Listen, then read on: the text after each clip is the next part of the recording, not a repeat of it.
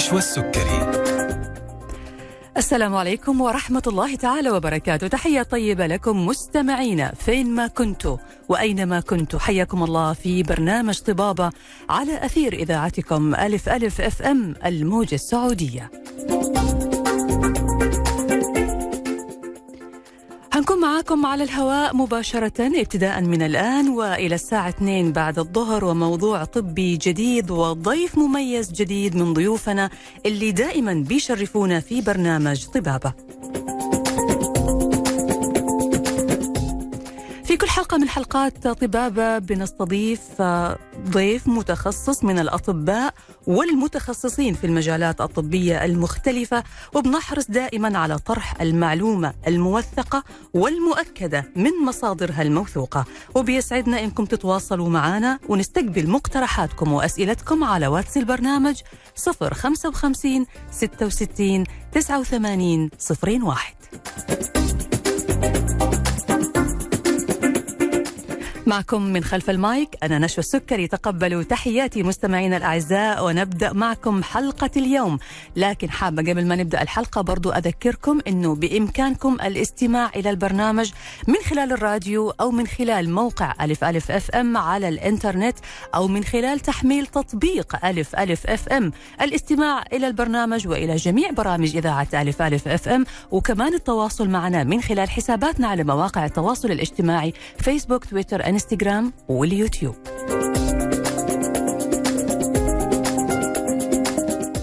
اللي حابب إنه يستمع للحلقة من بدايتها أو يشاركها أحد مهتم بموضوعها هتكون متاحة بإذن الله تعالى خلال 24 ساعة على حسابنا ألف ألف أف إم على اليوتيوب.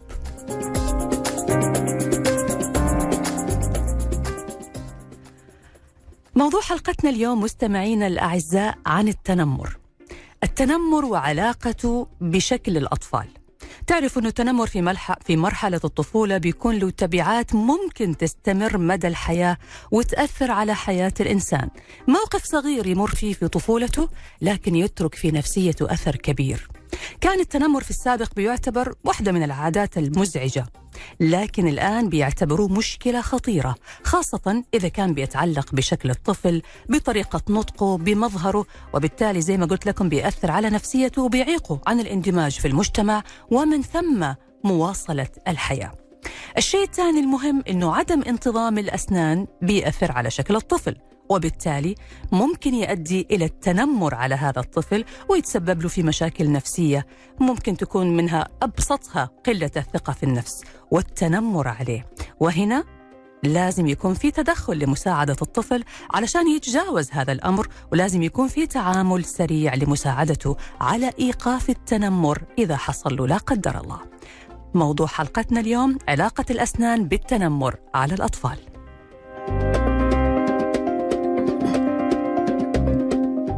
ولمناقشة موضوع حلقة اليوم يسعدنا مستمعينا الأعزاء أن يكون ضيفنا هو الدكتور وائل عودة أخصائي تقويم وتجميل الأسنان من فرنسا بمجمع عيادات دنت الطبي والدكتور وائل حاصل على تصنيف بلاتيني لتقديم تقنية التقويم الشفاف. أرحب فيك دكتور وائل وأهلا وسهلا في حضرتك معنا. يا أهلا وسهلا فيك وأهلا وسهلا بالسادة المستمعين. شكرا لك على المقدمة الجميلة جدا. الله يسعدك يا دكتور. بداية يا دكتور يعني موضوع التنمر موضوع خطير صراحة. البعض ممكن يعتبره شيء عادي عابر بيمر وبينتهي مع الوقت. لكن الحقيقة أنه بيترك أثر مستديم وأثر دائم على الطفل ممكن يأثر عليه بقية حياته. وشكل الأسنان؟ يمكن ازدحام الأسنان تراكب الأسنان حتى يعني فقد الأسنان من أكثر الأشياء اللي بتخلي الطفل بتأثر على شكله بتأثر على طريقة نطقه بتأثر على أشياء كثيرة وبالتالي ممكن تدعو بقية الأطفال اللي هم في عمر صغير ما هم مدركين إيش بيعملوا إنهم يتنمروا عليه. فخلينا نتكلم عن هذا الموضوع. في أكيد صحيح. أنا اللي حبيت اللي خلاني أحب إني أبدأ وأطرح الموضوع هو الأشياء اللي عم شوفها بالعيادة بشكل م. يومي. نعم. آه بديت بالفترة الأخيرة أشوف أطفال صغار يعني خلينا نقول بالصف الثاني والثالث والرابع خلينا نقول اللي هم بالعمر الثمانية والتسعة والعشرة. مم. عم بيطلبوا من أهلهم إنهم يجيبوهم على عيادة تقويم الأسنان. هم اللي بيطلبوا. ف... أيوة بالضبط هم اللي عم بيطلبوا. فلما عم بيجلسوا على الكرسي عم بحاول أسأل الأهل أو أسأل الطفل بداية إيش اللي زعجك في أسنانك؟ عم بيأشر لي على الأسنان ويحكي لي بطريقة آه بطريقة كأنه هو معاني من الموضوع هذا، أكيد هو الطفل ما عنده الاهتمام بشكل أسنانه مثل الكبار نحن، فأكيد هو توجه لهذا الشيء من المدرسة هيك، دائما بعد ما أسمع من الطفل باخذ الأهل على جنب وبحاول إني أسألهم هل حدث أي تنمر بالمدرسة أو هيك شيء. ودائما بتكون الإجابة بنعم. فهذا الشيء اللي خلاني أطرح الموضوع وأحاول إني أوعي الأهل على الأشياء اللي ممكن يشوفوها بأطفالهم بخليهم يراجعوا فيها الدكتور عشان ما يتعرضوا لهيك مشاكل بالمستقبل. يا سلام. موضوع جميل والله دكتور. وأنا صراحة أحيي حضرتك وأشكرك على اختيار هذا الموضوع لأنه أنت تقريبا يعني اللي طرحت الفكرة وقلت خلونا نتكلم عن هالموضوع تحديدا. فأكيد حضرتك بتمر عليك حالات كثيرة ومن خلال متابعتك لهذه الحالات حابب إنه أنت توضح للمستمعين وللوالدين لكل أب ولكل أم إيش ممكن يكون يعني حاصل لطفلهم خاصة إنه ممكن يكون الطفل بيتعرض لتنمر بس ما بيعبر أو ما بيقول. صحيح 100% نعم. طيب خلينا الآن دكتور تفضل حضرتك. يعني قل لنا إيش الحالات اللي بتمر على حضرتك وبتشوفها بشكل دائم واللي فعلا بتؤدي إلى تنمر الأطفال على بعض؟ أوكي هلا حاليا الطفل دائما من عمر السبعة إلى عمر 12 بمر بمرحلة تبديل الأسنان، تبدأ م. الأسنان اللبنية إنها تقع ويطلع مكانها الأسنان الدائمة. تمام. أحيانا الأسنان اللبنية لما بتقع آه بتسبب فراغات بين الأسنان فبتصير هذا الشيء مزعج. م. في شيء خلينا أول شيء نعرف شو الشيء الطبيعي شو الشيء اللي مو طبيعي. هلا من عمر من عمر السبعة تقريبا في مرحلة بالإنجليزي بيسموها duckling stage هي عبارة عن الأسنان الأمامية الثنايا الأمامية بيكونوا شوي أكبر وفي بينهم فراغ صغير وفي فراغ بينه وبين الأسنان اللي جنبه. هاي المرحلة عادة ال self correcting تتعدل لحالها لما يطلعوا الأنياب ويندفوا الأسنان على بعض، مم. فهي الشيء يفضل إنه ما في مشكلة لو لو راجعنا الطبيب فيها بس ما في منها خوف وما تحتاج تدخل مبكر عادة، بس ما في مانع إنه نطمن. تمام. أما باقي الأشياء اللي هي ممكن تكون فيها بروز بالفك أو أسنان طالعة بشكل آه، مرتفع إلى الأعلى أو أي شيء قاعد عم يغير من ملامح الابتسامة الطبيعية فبنصح الأهل انهم يجيبوا الطفل عن طبيب التقويم وياخذوا رأيهم بهذا الموضوع. مم. تمام طيب إيش أكثر الحالات يا دكتور اللي بتمر على حضرتك اللي لاحظت إنه فعلا بيصير في تنمر على الطفل هل لما بيكون بس مجرد تغير في شكل الأسنان أو فقدان إيه. الأسنان ولا تأثير كمان على النطق وطريقة الكلام الأول أول أول سبب هو شكل الأسنان، ثاني شيء النطق، شكل الأسنان لما يكون الأسنان متفرقة بشكل كثير كبير ومكانها مكانها ما هي مصفوف، واحد طالع وواحد نازل، هي أكثر شيء اللي اجوني الأطفال عم بيشتكوا منه، إنه أسناننا مو مضبوطة، يعني لما نبتسم كل سن بمكان أو يكون في فراغ كبير. وثاني شيء مخارج الحروف، أحيانا ممكن آه يمسكوا عليه على حرف إنه هو ما بيلفظه بطريقة صح. وبيكون سببها مثلا آه إنه الأسنان ما اكتملت فعشان كذا ما هو قاعد يلفظ الحرف صحيح. تمام. هدول السببين هم اللي اللي أكثر شيء عم بيواجهوهم الأطفال. هو شكل الابتسامة شكل الأسنان وأماكنها ومخارج الحروف. مه. طيب آه يعني سؤالي التالي دكتور هو ممكن يكون سؤال نفسي شوية بس برضو أكيد حضرتك هتفيدنا فيه بحكم التخصص. آه يعني كيف يعرفوا الوالدين إنه طفلهم عنده مشكلة في مجتمعه في مجتمع المدرسة أو في مجتمع الأطفال؟ يعني بعض الأحيان ممكن يكون بيتعرض لتنمر بس ما بيعبر عن هذا الشيء. أوكي تمام. هلا أول شيء نحن بس بدنا نعرف نفرق بين التنمر وبين الشيء الطبيعي. هلا أكيد لما لما يكون الولد مثلا عم بيلعب مع أصحابه واحد يقول له أنت ما بتعرف تلعب وياخذوها بضحك هي الشغله ما بنعتبرها تنمر. تمام. التنمر هو الشيء الجارح هو الفعل أو الكلام المقصود التجريح. مم. فعادة الطفل لما يوصل لهي المرحلة إنه يسمع هذا الكلام الجارح ويتعرض لهذا الشيء بصير بيكره هذا الشيء فيكره الابتسامة. مم. يعني مثلا يصير يتفادى الابتسام بالصور. تعال يا حبيبي نتصور بيرفض يتصور. آه مثلا ممكن إنه يحط يده على فمه وهو يتكلم. ممكن يصير moody وعصبي الطفل يتغير ال mood تبعه. في أطفال أحيانا ما بي ما بيصارحوا أهلهم خوفا من ردة الفعل أو إنه ممكن إنه يجوا على المدرسة ويحرجوهم قدام أصحابهم فبيخافوا. فهي الشيء بي بيحتاج كثير تعاطف من الأهل وطريقة كثير ذكية بكيف نقدر ناخذ المعلومة من الأهل. جميل. جميل يا دكتور. مهم جدا طبعا أن الأهل يكونوا دائما متابعين لأبنائهم وحريصين على أي تغير بسيط في تصرفاتهم أو سلوكياتهم لأنه الطفل بطبيعته ما بيحكي للمقربين. يعني ممكن يحكي كمان لشخص غريب لكن ما يحكي لأقرب الناس إليه. صحيح. نعم. صحيح. حلقتنا مستمرة. مع الدكتور وائل عودة أخصائي تقويم وتجميل الأسنان من فرنسا بمجمع عيادات دنت الطبي. هنتابع الحلقة مع الدكتور وائل لكن هنطلع فاصل قصير. لازلنا نستقبل فيه أسئلتكم واستفساراتكم واستشاراتكم على واتس البرنامج 055 66 89 01 فاصل ونواصل.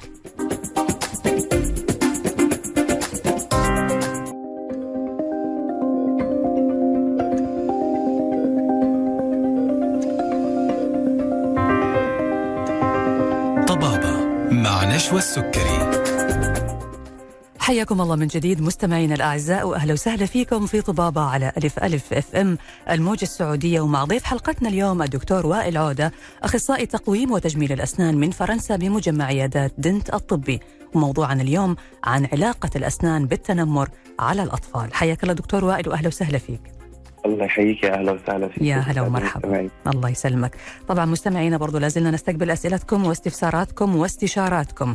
أي سؤال حابين توجهوه للدكتور وائل بإمكانكم التواصل معنا على واتس البرنامج 055 66 89 01 طيب دكتور إحنا كنا بنتكلم الآن إنه ممكن يكون شكل الأسنان مؤثر على الطفل وبالتالي بيؤدي للتنمر عليه وهذا طبعا راح يأثر على نفسيته وعلى ثقته في نفسه وبالتالي ممكن يترك أثر يستمر معاه مدى الحياة.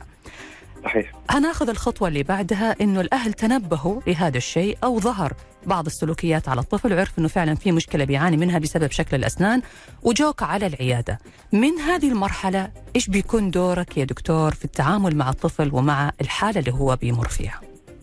أوكي حلو جدا آه لما يحضر الطفل والأهل على العيادة عندنا عيادة تقويم الأسنان هي أسهل عيادة إنه الطفل يدخل عليها من ناحية الخوف والفوبيا. تمام. ما عندنا اي ما عندنا أي إجراءات تخوف. إحنا مجرد نسوي كشف عام على الأسنان ونعمل صورة أشعة واحدة. مه. على أساسها نقدر نبني خطة العلاج ونشرح للأهل عن آه طريقة العلاج وإيش اللي يحتاجه. نعم. فعادة نحدد المشكلة. هل هي مشكلة لها علاقة بالفك؟ هل هو الفك أو العظم بارز بشكل كبير؟ أو هل هي المشكلة لها علاقة بالأسنان وترتيب الأسنان؟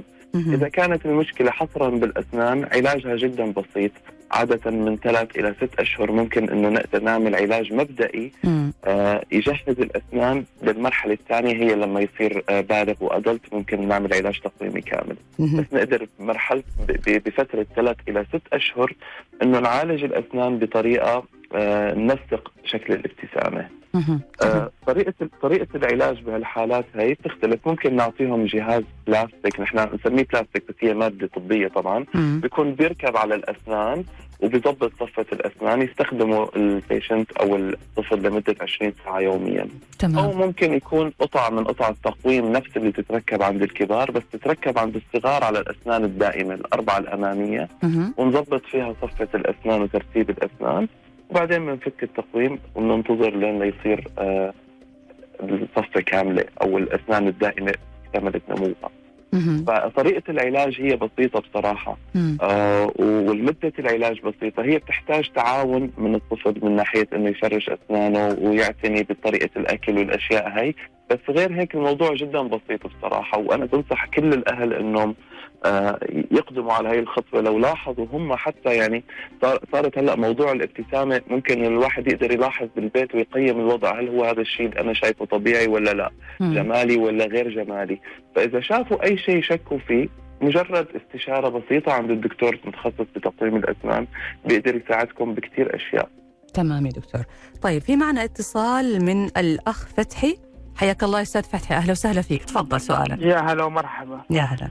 أنا عندي سؤال للدكتور. أنا عندي ولد عمره عشر سنوات وعنده مشكلة في القاطع الأمامي يعني الأسنان الأمامية بتكون بارزة. فحتى الابتسامة ما صار يبتسم زي أول وإذا ابتسم يبتسم على استحياء يحط يده. وأنا حاسس إنه في يعني مشكلة في المدرسة إنه في يعني اصحابه يضحكون عليه وهذا. فهذا الحل من الدكتور. الله يعطيك العافية أستاذ فتحي. شكرا لاهتمامك أصلا وشكرا لحرصك ومتابعتك لهذه السلوكيات. وهذا شيء مهم وهذا الكلام اللي قال عليه الآن الدكتور وائل إنه مهم إنه الوالدين يكونوا دائما متابعين وملاحظين أي تغير في سلوك أطفالهم. تفضل يا دكتور. صحيح. آه، هلا مثل ما تفضل الاخ فتحي الطفل عمره عشر سنوات فيعتبر بمرحلة جيدة جدا إنه نبدأ فيها العلاج، فممكن إنه يشرفونا للعياده ونشوف شو الوضع، هذه آه لو كانت المشكلة من الأسنان حلها مثل ما قلت جدا بسيط، عبارة عن آه تقويم بسيط بدخل هاي الأسنان وبرتبها مع باقي الابتسامة وكثير بسرعة بيقدر يحل المشاكل هي، يعني لو بدأ فيها الآن خلال الإجازة الصيفية ممكن يكون حل المشكلة كلها. آه لو المشكلة من الفك نفسه كمان حلها آه بيكون بطريقة أسهل من لما يكبر ويصير في عمره فوق 18 سنة. فالحل بسيط ما في أي مشكلة وهو كثير يعني آه له الشكر على التنبه لهذا الموضوع وإحنا حاضرين بأي وقت لهي الأشياء. تمام دكتور. طيب خلينا دكتور الآن نتكلم عن الحالات اللي تحتاج تدخل طبي من طبيب الأسنان لمساعدة الطفل على آه، تلافي مشكلات مستقبلية في شكل أسنانه. يعني أيوة. يمكن أول مشكلة هي ازدحام الأسنان مثلا أو تراكب الأسنان فوق بعض. وحضرتك قلت أنه إحنا بنفحص الفك في أول جلسة أول زيارة لنا علشان نشوف حجم الفك ونقدر نبني خطة مستقبلية للأسنان الدائمة بعد كذا. صحيح. صحيح 100% آه التزاحم الأسنان هي أكثر شيء ظاهر وواضح للأهل. لما يشوفوا الأسنان متراكبة على بعض نبدا فيها بعلاج عن طريق جهاز توسيع الفك. آه، بيساعدنا كثير على المستقبل إنه يوفر علينا العمليات الجراحية والعناء تبعها. تمام. فهو هو كخطة مبدئية جدا جيدة. ثاني شيء هو بروز الفك السفلي. لو بتلاحظي في بعض الأشخاص فكهم السفلي شوي متقدم.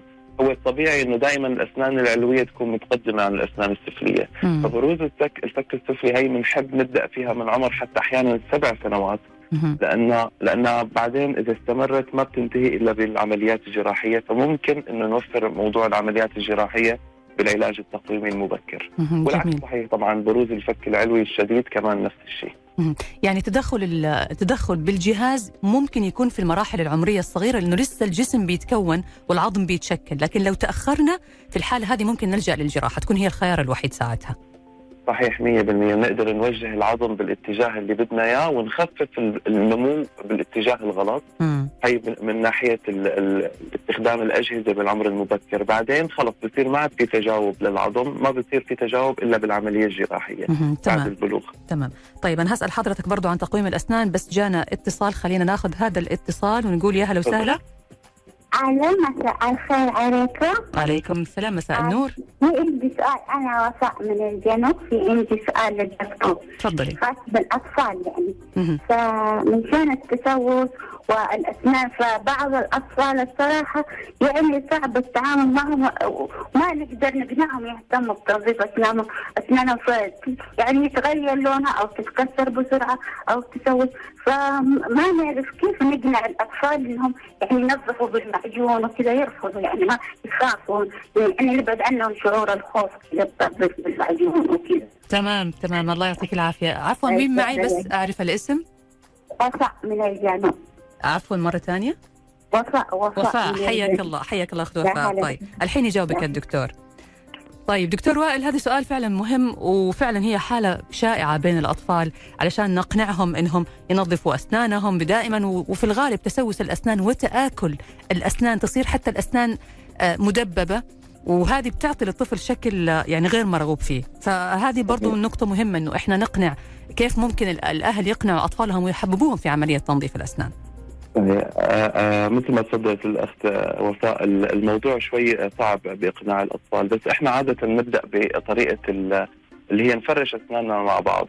إحنا من ككبار بنوقف جنب الأطفال وبنجيب كل واحد فرشة أسنان ونحط عليها معجون وبنخليهم يقلدونا بنفس الطريقة. هي أول شيء. ثاني شيء ممكن إنه نستخدم نوع من أنواع الفرش اللي بتكون أطرى وما بتسبب أي مشاكل أو اي أي ضغط على اللثة وشكلها حلو. هي من ناحية الأشكال والنكهة المعجون. حلو. بعدين في عندنا أشياء إضافية ممكن نستخدمها مثل إذا الطفل عم بيرفض وإحنا يعني خايفين من هذا الموضوع آه نعمل نعمل تطبيق الفلورايد بالعيادة على أساس إنه نخفف احتمالية التسوسات.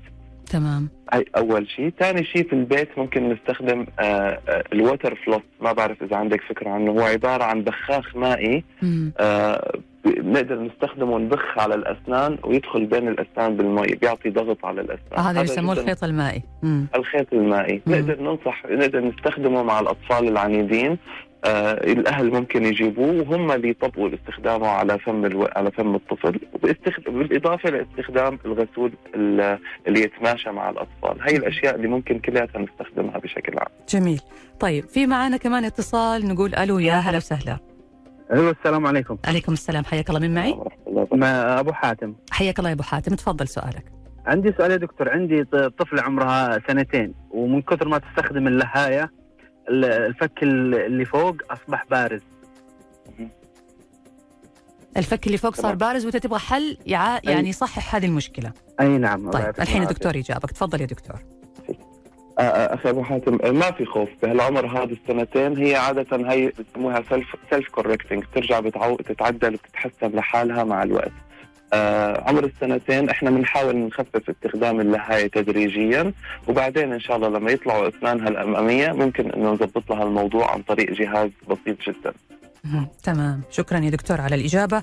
حلقتنا مستمرة معكم مستمعينا الأعزاء. وصلنا لوقت الفاصل. هنطلع فاصل الآن قصير ونرجع بعد نكمل حوارنا. نستقبل أسئلتكم واتصالاتكم. اتصالاتكم على هاتف البرنامج 012 61 61 100 ورسائلكم على واتس البرنامج 055 66 89 01 فاصل وراجعين.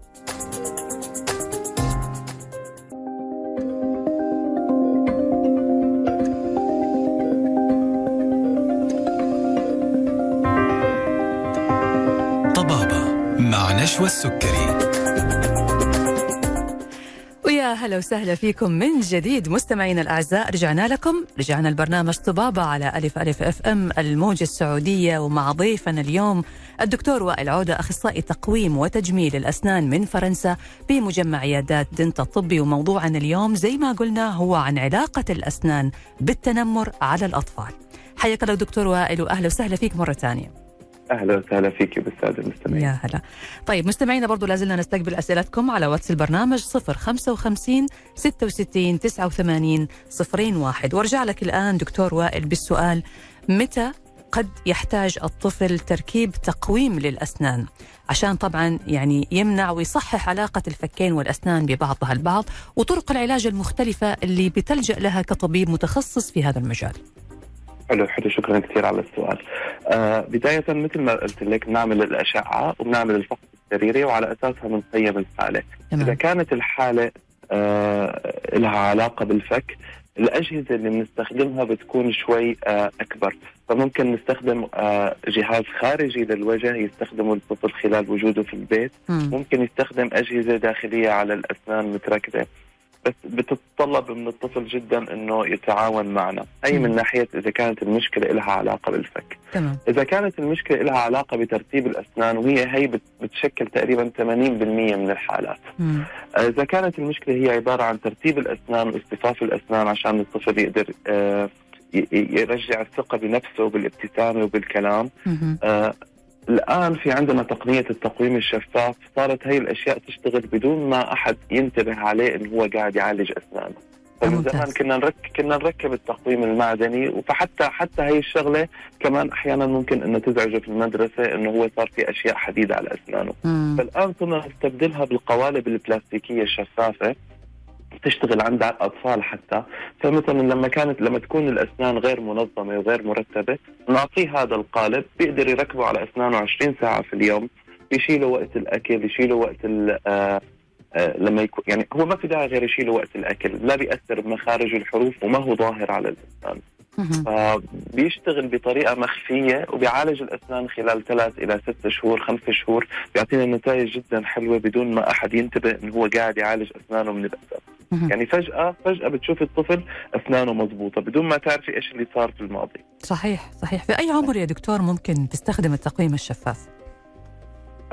من عمر الثمانية نقدر نستخدمه ما في مشكلة. طالما إنه الاسنان طالما الأسنان الدائمة طلعت الأمامية مم. نقدر نستخدمه إحنا كدكاتره التقويم نعرف كيف الجهاز بيتركب على الأسنان بدون ما يضر الأسنان اللبنية مهم. بيكون الحركة آه، معتمدة فقط على الأسنان الدائمة.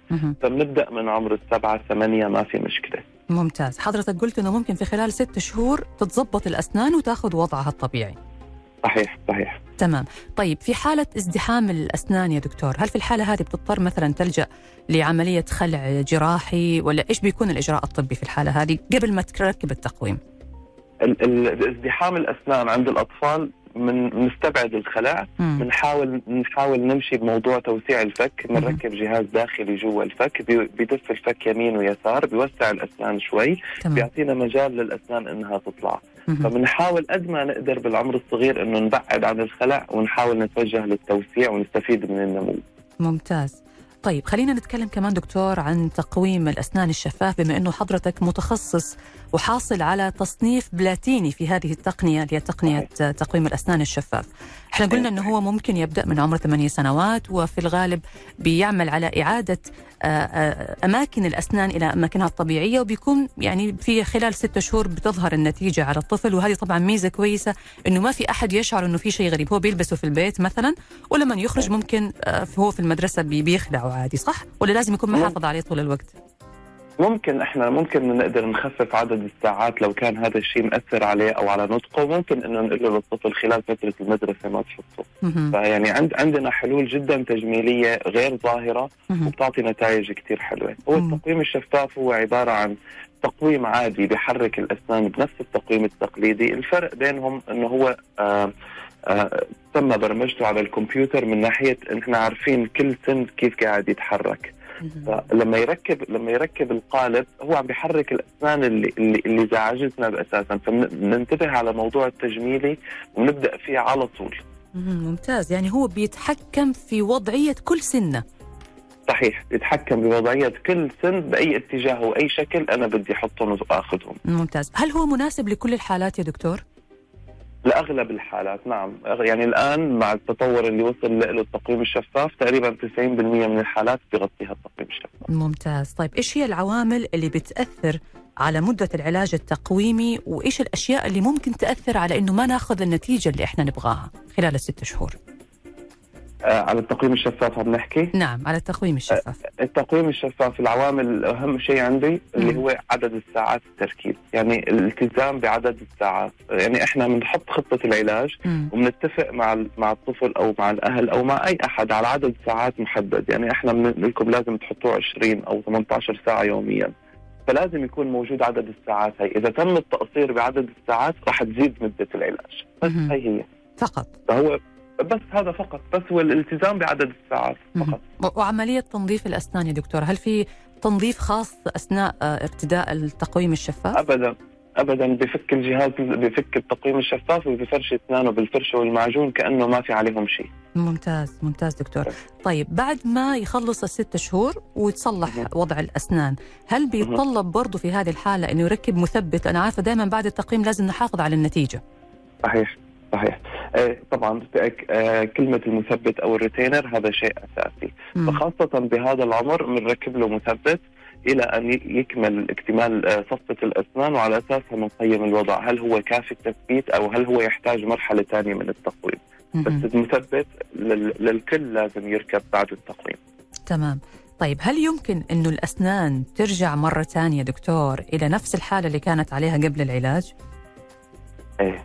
للأسف أيوه. مم. للأسف. بس هذا الشيء بخف كثير عند الأطفال. يعني أي أحد تحت العمر ال 12 أو ال 13 سنة سوى تقويم وفك التقويم حتى لو ما التزم بالريتينر. مم. احتمالية إنه أسنانه ترجع تخرب أقل بكثير من لما يكون ادلت أو بالغ، يعني لما يكون واحد بال20 أو بال30 أو بال40 يسوي تقويم وما يلتزم بالريتينر أسنان بترجع بتخرب. بس ما بترجع مثل ما كانت بالأول. مم. بس بترجع بنسبة مثلا 20 إلى 40 50% أحيانا ترجع ما بتصير شكلها حلو. مم. بس لما يكون لما يكون طفل الأسنان تثبت في مكانها أسرع. لأنه إحنا مشينا مع النمو ما مشينا عكس النمو. تمام طيب دكتور الأطفال اللي عندهم التهابات في اللثة وبياخذ لها مثلا علاج من وقت للتاني هل التقويم الشفاف ممكن يكون حل مناسب معه؟ آه، أكيد هيكون حل مناسب معاه بس إحنا دائما في آه، عالم التقويم نحب آه، نصلح كل الأشياء قبل لا نبدأ. مم. يعني لو في عندنا أي تسوس نحب نصلحه أي مشاكل لثوية نحب نصلحها. بس كلمة التهاب لثوي عند الطفل يعني هو عبارة عن علاج جدا بسيط على فكرة. اللث- اللثوية عند الأطفال تتعالج بأسبوع. وتنتهي يعني وتنتهي. خلاص إحنا بس بنحدد السبب بنشيل السبب هل هو في شيء بين الأسنان هل في شيء عالق هل في شيء زعج الطفل مم. وعلى أساسها بننظف هذا المكان وبنعطيه غسول يغسل فيه أسنانه. خلص بترجع بترجع خلال أسبوع اللثه طبيعية 100% مم. فما يتهاون الواحد بالموضوع على طول يشوف دكتور فيها لأنه لأنه حلها جدا بسيط. ممتاز ممتاز. طيب دكتور في بعض ال- الحالات اللي ما يكون ظاهر فيها مشكلة في تراكب الأسنان على بعض أو ازدحام الأسنان لكن قد تكون في علامات بتشير إلى أنه هذا الطفل يحتاج عمل تقويم أسنان غير شكل الأسنان فممكن حضرتك تشرح لنا مثل إيش هذه العلامات مثلا أشياء ما ما ما, فهمت السؤال معلش يعني في بعض الأحيان ممكن يكون إيه. ال- الطفل. شكل الأسنان عنده ما يوحي أنه عنده مشكلة فعلية في في الفكين مثلا. أيوه أيوه أيوه. أيوة. فهمت عليكي مهم. أيوه فهمت عليكي هلا هاي الشغلات بنسميها مثلا مثل ال cross bite وال scissor bite. أيوه. هلا ال- ال- ال- ال- ال- التطابق السليم 100% مم. هو إنه الفك العلوي يكون مغطي الفك السفلي ومسكر عليه. ولما يسكر أسنانه يبرز شوي من الأسنان السفليه وشوي الأسنان العلوية. نعم. فاحيانا ممكن إحنا نشوف هذا الشيء ظاهر بس يكون عنده مشاكل بتطابق الأسنان أو مشاكل بطريقة البلع مشاكل ب... أحيانا بيكون في عندهم مص الاصبع مم. ففي مشاكل أحيانا بتكون غير ظاهرة آه وعلى المستقبل بتعمل مشاكل أكثر مشكلة هي طريقة البلع مم. آه طريقة البلع هي شغلة بحب وجه عليها الناس إحنا عادة لما نبلع اللسان لازم يتوجه لفوق لقبة الحنك ما يضرب بالأسنان مم. في ناس أحيانا لما يبلعوا لسانهم بدف الأسنان بيصير بيعمل negative pressure من الداخل ويصير في continuous pressure على الاسنان هذه الأشياء لو ما حليناها من عمر صغير وعملنا لها اي أي حل ممكن مع مع الوقت تسوي مسافات وفراغات وبروز بين بين. ففي أشياء أحيانا غير ظاهرية وما بيكون في أي مشاكل يعني عن جد بتكون الأسنان مصفوفة ومرتبة بس بيكون في حدا عنده مشكلة بالتطابق أو مشكلة بطريقه البلع أو الأشياء هي فلازم إنه نوجههم للطريقة الصح عشان في المستقبل ما تتفاقم المشكلة. مهم. تمام طيب دكتور هل حضرتك في بعض الأحيان مثلا لما بيجيك حالة على العيادة آه، بتحتاج أنه يكون في آه، استشارة من طبيب جراح يعني بيكون في عدة تخصصات مختلفة تتداخل مع بعض علشان تخرجوا بخطة علاجية مناسبة للحالة هذه اللي جاتك أكيد 100% نحن إحنا نشتغل مع بعض كتيم كفريق عمل. نعم. لما يجيني طفل أول شيء أنا أقيم الحالة وأوجهه لل لو كان عنده مشاكل لثوية أوجهه لطبيب اللثة أوجهه لأخصائي أو استشاري الأطفال يعمل لهم علاجات للتسوسات الموجودة. آه لو في عندنا مشكلة الأسنان داخل منطمره وما طلعت مهم. وما راح تطلع إلا بعمل جراحي بنوجههم للجراح. فإحنا فريق أو تيم كامل يعني بنشتغل بكل التخصصات مع بعض.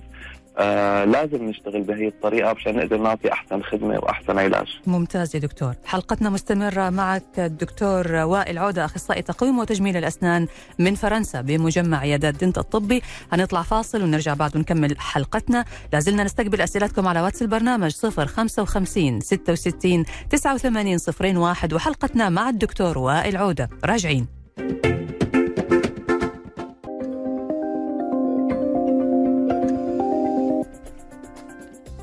يا هلا وسهلا فيكم مستمعينا الأعزاء. رجعنا لكم مرة ثانية في برنامج طبابة على ألف ألف FM الموجه السعودية ومع ضيفنا الدكتور وائل عودة أخصائي تقويم وتجميل الأسنان من فرنسا بمجمع عيادات دنت الطبي. حياك الله دكتور وائل وأهلا وسهلا فيك. أهلا وسهلا فيك أستاذ المستمعين يا هلا. يا هلا. طبعا مستمعينا برضو لازلنا نستقبل أسئلتكم على واتس البرنامج 055 66 89 صفرين واحد وباقي معانا أقل من ثمان دقائق نحاول نجاوب فيها على الأسئلة. بس قبل ما ناخذ أسئلة المستمعين حابة أسألك يا دكتور بخصوص التنمر. يعني آه، تأثير التنمر وأسبابه وكيف ممكن نساعد الطفل أنه يتخلص من هذه الحالة اللي هو مر فيها. أوكي تمام حلو جدا. هلأ بداية خلينا نعرف العلامات تبع التنمر اللي قلنا عليها قبل إنه إيش العلامات اللي قاعدين نشوفها على الأطفال ببين إنه هو عم يتعرض للتنمر. مثل ما قلنا إنه هو صار يكره المدرسة يكره آه، يبتسم يكره إنه يتصور العصبية والمزاجية. الغير مبررة أو المختلفة عن الماضي. بما يخص الابتسامة لو كان التنمر يعني متعلق بالابتسامة تبعه رح يبدأ يشتكي من هذا الشيء ويسأل أهله أنا ليش أسناني كذا؟ ممكن نروح عند الدكتور. هاي الأشياء جدا مهمة ولازم نعطيها أهمية كثير كبيرة من الأهل. تمام. آه إنه نروح على الدكتور بدون أي تخوف من ناحية آه آه، هل هو العلاج حيكون صعب هل هي الطريقة صعبة. الأهل لازم ما يفكروا بالأشياء هي يجوا. وياخذوا رأي الدكتور لأنه الموضوع جدا بسيط أبسط مما يتخيلوا. تمام. لما يسمعوا من الولد أي مشكلة مهم. على طول لازم يجوا عند الدكتور. تمام. إذا تم إهمال علاج المشكلة هذه يا دكتور وتركها إيش ممكن يكون تأثيرها على الطفل؟ التأثير النفسي حيكون جدا مزعج للطفل ويمكن يستمر معه لفترة طويلة إلى أن يستعيد الثقة بالنفس مم. أول مشكلة هي حتضر الثقة بالنفس رح. رح يستحي إنه يتكلم ب آه، قدام الناس رح يستحي إنه يتصور رح يضل يضل عنده مشكلة بالثقة بالنفس بشكل أسنانه وشكل فرح تأثر على نفسيته من هذه الناحية مم. وفي الدراسات الأخيرة اللي سووها إنه إيش أول شيء إحنا نشوفه في الناس هل هي العيون؟ هل هي الابتسامة؟ هل هي الناس أخذوا بين العيون وبين الابتسامة بس الابتسامة كانت دائما هي اللي تفوز فالابتسامة الابتسامة هي أهم شيء هي اللي بتريح الناس. يعني أنت لما تكوني قاعدة قدام أي شخص لما يبتسم بتحسي بالراحة. لما يفكر في معرفتي فموضوع الابتسامة جدا مهم. وعلى هذا الأساس لازم نفكر بالموضوع أنه نحل المشكلة هي على أساس أنها ما تتفاقم وتأثر على ثقته في نفسه. أكيد يا دكتور أكيد. هذا يعني معك كل الحق. فمهم جدا دور الآباء أنهم يكونوا متنبهين ويقظين دائما لأي شيء ممكن يتعرض له أطفالهم لأنه فعلا المرحلة الأولى هذه من الطفولة هي اللي بتشكل بعد كده شخصية الإنسان وطريقة تعامله وتعاطيه مع الحياة ومع المجتمع. صحيح 100% نعم. طيب دكتور الآن نأخذ أسئلة المستمعين وعندنا هذا السؤال اللي يقول هل ضروري شد التقويم كل شهر وماذا يحدث في حالة عدم الشد؟ شد التقويم بناء على حسب الموعد اللي أعطاه الدكتور. ثلاث أسابيع أربع أسابيع خمس أسابيع إلى ست أسابيع. هذا الشيء اللي نقبله وعلى أساسه بيروح بشد التقويم. لو ما شد التقويم بصير التقويم موجود بفمه بدون أي فائدة. ما هو قاعد يستفيد منه. هذا طبعا بينطبق على التقويم المعدني والتقويم الشفاف.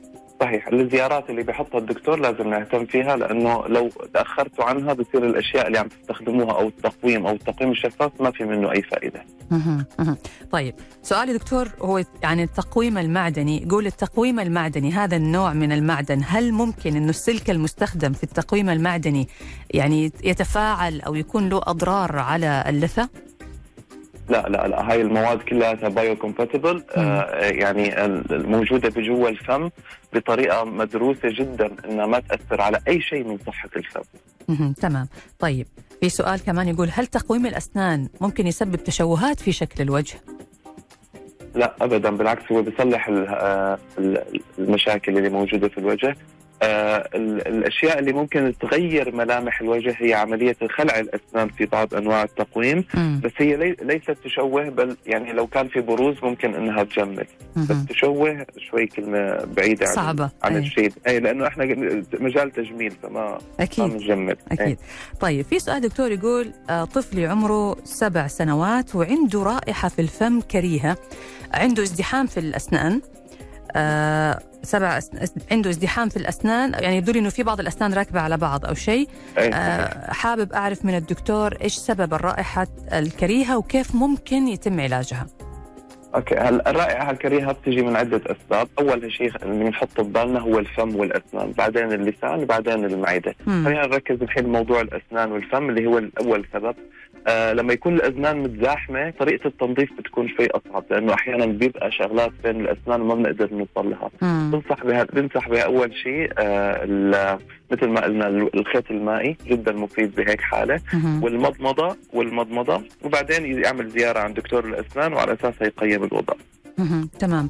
طيب في سؤال برضو كمان يا دكتور يمكن إحنا ذكرناه بس برضو يعني جانا عليه سؤال في واستفسار. مشكلة. يقول هل يحتاج التقويم الشفاف رعاية وعناية خاصة مثل التقويم المعدني؟ التقويم الشفاف نفسه كقالب شفاف لا ما يحتاج عناية لأنه إحنا حنستخدمه أسبوع إلى 10 أيام ونرميه ونركب واحد جديد. فما في له أي عناية. هو العناية اللي مطلوب منك بس إنك أو منكم إنه بس لما تطلعوه من الفم تغسلوه بالمي. وفي له محاليل خاصة ممكن ننظفه فيه لو بدنا نعقمه غير هيك هو العناية بالأسنان تبعنا نفسها تفريش الأسنان استخدام الخيط الأشياء هذه مم. بس التقويم نفسه الشفاف ما محتاج شيء يعني مم. ما هو يتبدل يتبدل كل عشر أيام يكون مقاسه مختلف ويتبدل يتركب واحد جديد.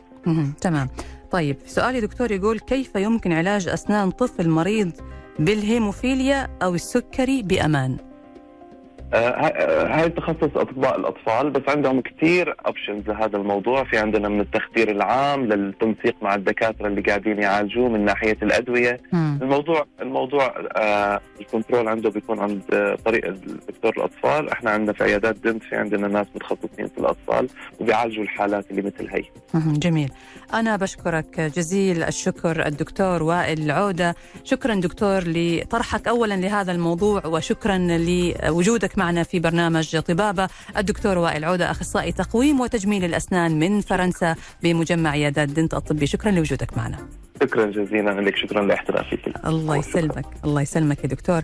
الشكر موصول لكم أنتم أيضا مستمعين الأعزاء وهذه كلمة أخيرة قبل ما ننهي الحلقة. تابعوا دائما أطفالكم راقبوا سلوكياتهم راقبوا تعاملاتهم. شوفوا أي تغيير بسيط بيطرأ عليهم. الأطفال في الغالب كتومين وما يتكلموا خاصة لما يكون في موضوع يتعلق بإن بشكل الطفل أو بإحساسه مثلا مع الأطفال الآخرين أو تنمر الأطفال عليه. غالبا الأطفال يحبوا يتكلموا مع الغرباء. ممكن يفضفض ممكن يطلع اللي جواه بدون ما يكون شخص قريب منه يعني يشعر بعدم التحرج منه. لكن مهم جدا إنه دائما نكون مراقبين لأطفالنا لأنه ممكن موقف بسيط جدا يمر عليه في مرحلة الطفولة يأثر عليه مدى الحياة ويأثر على حياته مستقبلا. الله يحفظ أطفالنا جميعا يا رب ويحفظ كل الوالدين كل الآباء والأمهات لأبنائهم. شكرا لكم مستمعينا الأعزاء وشكرا لتواصلكم وتفاعلكم مع برنامج طبابة. انتظرونا في حلقة الغد إن شاء الله تعالى. حلقه جديده ضيف جديد وموضوع جديد من مواضيع طبابة معي أنا نشوى السكري. تقبلوا تحياتي وتحيات مخرج هذه الحلقة رائد باراج في حفظ الله ورعايته.